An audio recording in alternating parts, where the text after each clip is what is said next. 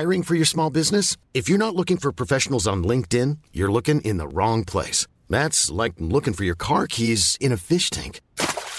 LinkedIn helps you hire professionals you can't find anywhere else, even those who aren't actively searching for a new job but might be open to the perfect role. In a given month, over 70% of LinkedIn users don't even visit other leading job sites. So start looking in the right place. With LinkedIn, you can hire professionals like a professional. Post your free job on linkedin.com slash people today.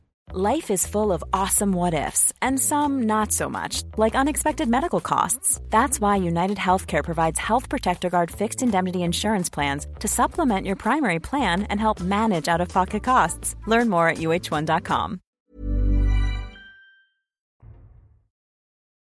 Velkommen til Økonominyhetene og vår morgensending torsdag. I dag skal vi se nærmere på de asiatiske markedene. Vi skal også gi dere en oljepriskommentar sammen med råvaresjef i SEB, Bjarne Schjelderup, før vi beveger oss over til Oslo Børs og ser på hva som skjer her. Da får vi også en makrokommentar fra sjeføkonom eh, Jan Ludvig Andreassen i Eika. Så skal vi i tillegg gi dere en koronaoppdatering, men først skal vi se på hva som skjedde på de amerikanske markedene onsdag kveld. Det var blandet stemning i USA. Dow Jones falt 0,9% Nasdaq endte opp 0,5% mens SMP 500 endte ned 0,7% Og det er rødt over hele linjen når vi går til de asiatiske markedene torsdag morgen. I Japan falt Nikki 225 0,01 mens den brede Topix endte ned 0,66 Hang Seng i Hongkong falt 0,8 mens CSI 300 i Kina endte ned 0,3 Vi skal få en liten titt på hva som har preget de amerikanske markedene hittil. Small cap stocks have ripped higher in recent weeks, and many remain skeptical as to whether this can continue, considering a really poor economic climate right now. However, we think the Fed changed the calculus for small caps. My first graph shows the relationship between option adjusted spreads in the high yield market and small cap stocks represented by the Russell 2000 index. As you can see, small caps really started to get their sea legs after the Fed made their announcement on April 9th that they would start to actually purchase corporate credit for their balance sheet. This created a massive downdraft in high yield credit spreads, which directly benefit Russell 2000 shares. This is no surprise. Historically, small caps have performed very well relative to large caps following major peaks in corporate credit spreads. Indeed, on average in the year after major peaks, small caps have outperformed large cap stocks by more than 1,200 basis points and on every occasion. If we do continue to see corporate spreads tightening and a little bit of progress in the economy into the second half of this year, we might start to see the massive gap between small cap and large cap valuations close. My next graph shows enterprise value relative to sales ratios for small caps relative to large cap stocks. As you can see, small caps are trading at more than a 35% discount to large caps at this point in time. This is more than two standard deviations below long-term average. So significant weakness does appear to be priced into the small cap index. Oljeprisen for brentolje ligger nå på mellom 29 og 30 dollar fatet. Det er betydelig opp for hva vi har sett de siste ukene. Hva kan Bjarne Schjelderup, råvaresjef i SB, fortelle oss om hvor oljeprisen er på vei akkurat nå? God morgen, Bjarne Schjelderup, råvaresjef i SEB.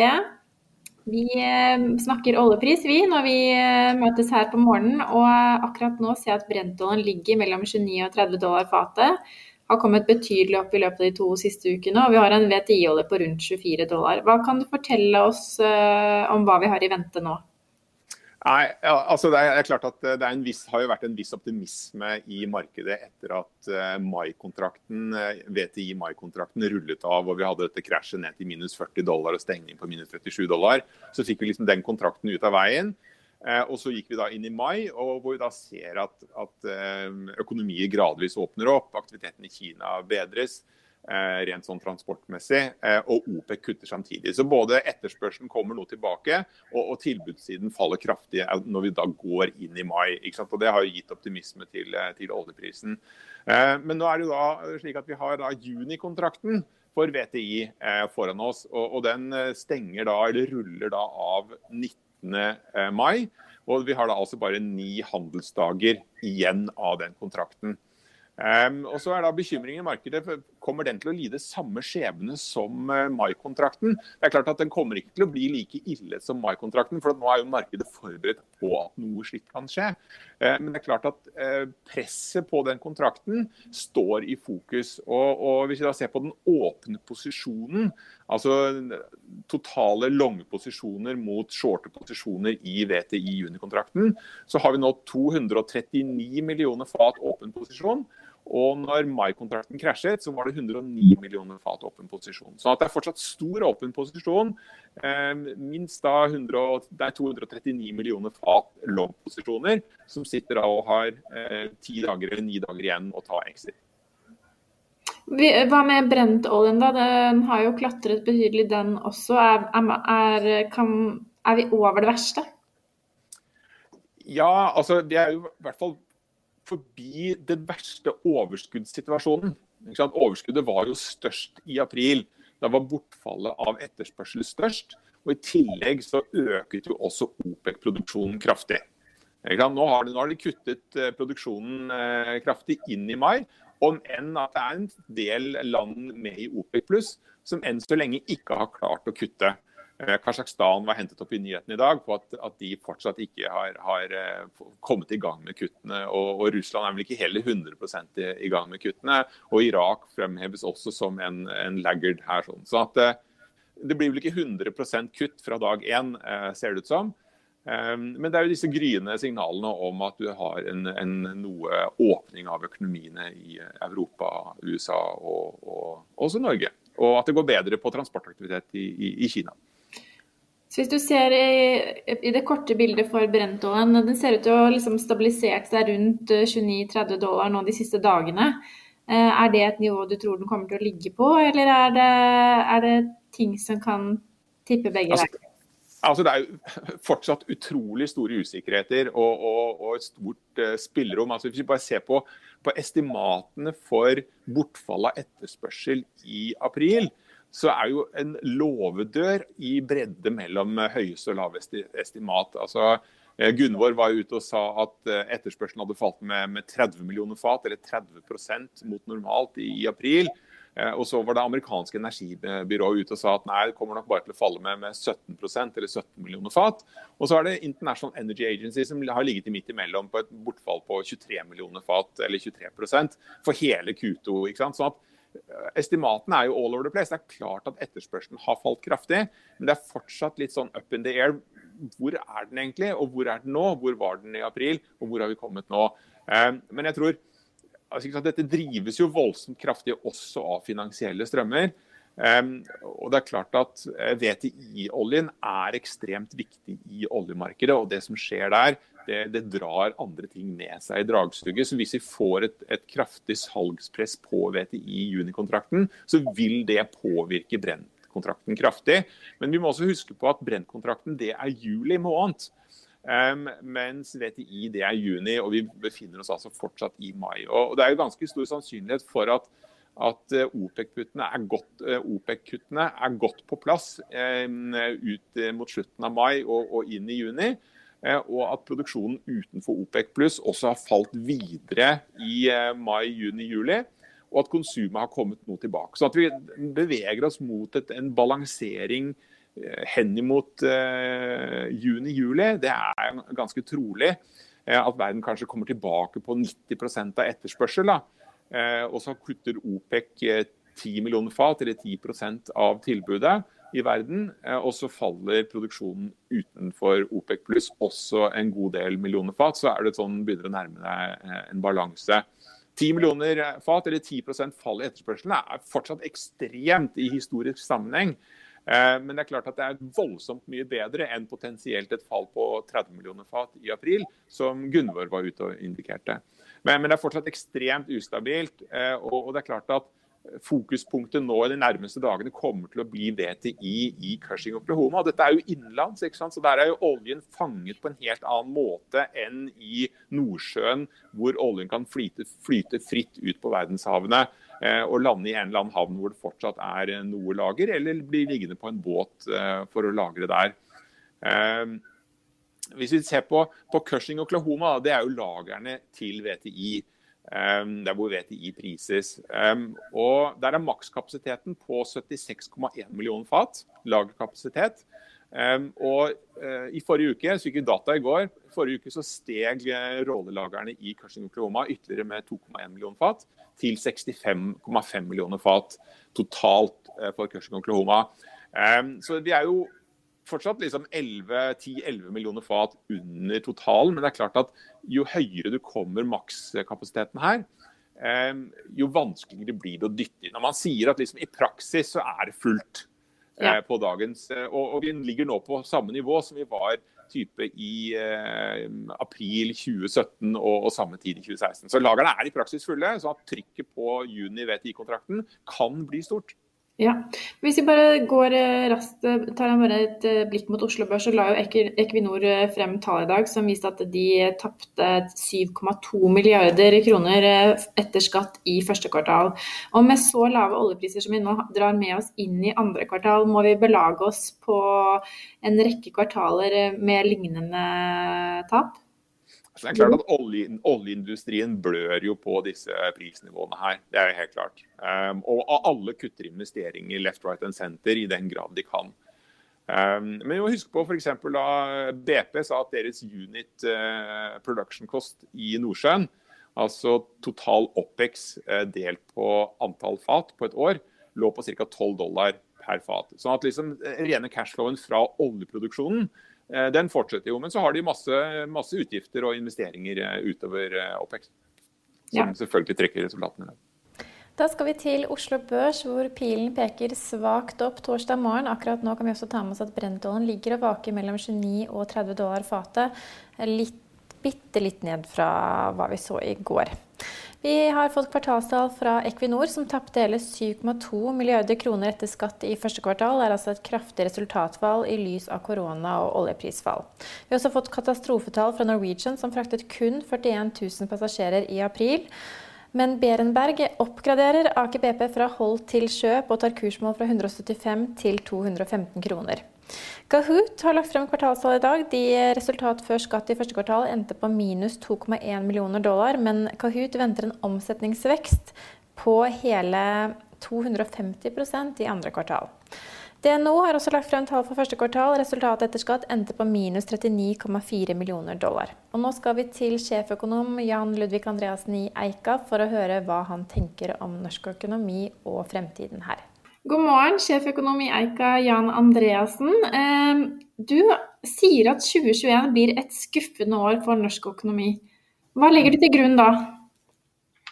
Vel, altså, Vi skal ta et skritt tilbake. Da, hva vi ser nå en slags normalisering, hva det vil innebære. Så øh, blir jo det antageligvis en slags normal som er litt annerledes enn det vi hadde før hvis vi ser på forward-markedene, så skal vel oljeprisen før eller siden opp på 40-tallet igjen. Men neppe på 60. Og til neste år må vi regne med en oljepris kanskje på rundt 35 dollar. Eh, Arbeidsledigheten må bite seg fast på et høyt nivå. Eh, derfor vil rentene være minimert overalt. Jeg tror faktisk vi skal regne med at har korona forever. Eh, vi har eh, Vi får ikke løst dette problemet. Og også til neste år vil vi diskutere liksom, eh, hvor mange blir syke av korona i dag osv. Så videre, selv om tallene da vil være mye mer kontrollerte og normale. Og i den sammenhengen da, hvis det går sånn som det ser ut som, da, at USA slipper opp nå og det blir sånn som smittesentrene i USA spår, eh, hvis vi spår under det scenarioet Trump slipper opp, som han tenkte å gjøre, så vil vi i slutten av mai ha ca. 3000 døde per dag i USA fra korona. Og alt i alt med hva er det nå, 20 millioner eh, nye arbeidsledige fra på fredag, så ligger det an til at de har Joe Biden som president neste år.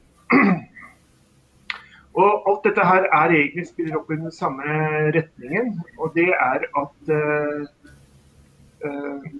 vi kommer til å få et omslag i, eh, i, eh, i, i den økonomiske politikken. Vi vil ha vedvarende høy arbeidsledighet. Aksjemarkedet vil være usikkert med Joe Biden og demokratene på plass. Og sikkert en veldig radikal visepresident, som jo med hans alder godt kan tenkes å ta over. Så jeg tror det blir mer ekspansiv finanspolitikk og gigantiske sånne infrastrukturprogrammer. Gitt at det nesten er gratis å låne både i USA og andre land. Hvis du kommer da til Norge, så vil vi ha høy arbeidsledighet. Vi vil ha minimerte renter. Eh, så kommer nok konsumet tilbake. Konsumet kommer tilbake. ikke sant? Fordi Gitt at korona er der ute, så vil folk ikke reise ut, de vil være hjemme. Inntektene totalt sett i samfunnet er OK. Eh, men investeringene, investeringer i olje, nei, da er oljeprisen altfor lav. Investeringer i hotell, forget about. Eh, boliginvesteringene skal ned osv. Så, så investeringene i Norge neste år blir en veldig tung byrde. Og da tipper jeg at vi kommer til å gjøre som amerikanerne og alle andre gjør, og det er å gønne på med infrastrukturtiltak. Koste hva det koste vil, og E18 og kanskje Ringeriksbanen og Nord-Norgebanen og hva som helst. For å prøve å få i gang økonomien igjen. Så Det er liksom sånn scenario der. Altså det er investeringsbildet i privat sektor neste år eh, som kommer til å bli veldig svakt. Eh, kraftig fall i overinvesteringene, kraftig fall i industriinvesteringene. Ingen bygging av nye hoteller, ingen bygging av nye kjøpesentre. Eh, og nedgang i boliginvesteringene alt på én gang. Så kommer det å, å, å manne fram en slags sånn derre ny eh, motkonjunkturoffensiv på i anleggssektoren. Men hva, hvis vi skal da rette eh, Mange av de sektorene du nevner nå er på Oslo Børs. Hva tror du dette omslaget vil bety for Oslo Børs i 2021? Nei, Det er mer eh, agnostisk, fordi eh, eh, hvis vi ser hva er det en aksje er verdt, så er det den neddiskonterte kontantstrømmen av all fremtidig inntjening. Eh, og eh, jeg har ofte vært i stuss at aksjemarkedet legger så stor vekt liksom, på helt nære tall. altså Siste ukes laksepris så faller. Hvis den går opp, så stiger disse lakseaksjene. Og hvis den faller, så faller lakseaksjene. Men det er jo helt uinteressant i 100-årsperspektivet. Eh, og det samme med veldig mange av disse størrelsene. Og, og, faktisk når du har minimerte renter, så veier eh, ordentlig lang eh, fremtid, 2030 til 2050, mye mer enn når renta er høy. For den neddiskonterte verdien eh, Hvis renta er null, så er jo 2050-inntektene like mye verdt i dag som en, eh, som en dagens inntekter. Så jeg egentlig tror aksjemarkedet klarer, eller burde klare å se gjennom dette. Eh, det man skal være obs på, det er jo at selv i 2050, hvis oljeprisen forblir på 40-50 dollar, så er det ikke noe vits å bore i Barentshavet. Det er ikke noe vits i liksom å drive med mye rart i Norge. Eh, så, så, så, det er altså strukturelle endringer her som eh, er ubehagelige, og som vil påvirke enkeltaksjer. Eh, og det kan godt være at vi har ikke sett den siste, Hvis koronapandemien fortsetter, vi har ikke sett den siste refinansieringen av verken SAS eller Norwegian. Så det er altså store sånn enkeltaksjedramatikk her. Men for den samlede verdien av, av Oslo Børs, så, så, eh, så, tror jeg Jeg har aldri vært av den typen eh, når det er nattsvart i avisen at du skal selge aksjer. og jeg, jeg, tror ikke man skal overreagere på de dårlige nyhetene som nå kommer. F.eks. at det er 3000 døde per dag i USA i slutten av mai. Så skal vi videre en fersk koronaoppdatering. Det er i underkant av 8000 som er testet og bekreftet smittet i Norge. Så har vi om lag 61 innlagt på sykehus og 216 døde. Vi er tilbake med vår ettermiddagssending i ettermiddag klokken 15.30. Da har vi med oss Trygve Hegnar. I tillegg skal vi ha et intervju med eiendomsinvestor Anders Bukkart. Følg med vår løpende nyhetsdekning på finansavisen.no, og morgensendingen er tilbake i morgen tidlig klokken ti. Økonominyhetene er en podkast fra Finansavisen. Programledere er Marius Lorentzen, Stein Ove Haugen og Benedikte Storm Bamvik. Produsenter er Lars Brenden Skram og Bashar Johar. Og ansvarlig redaktør er Trygve Hegnar.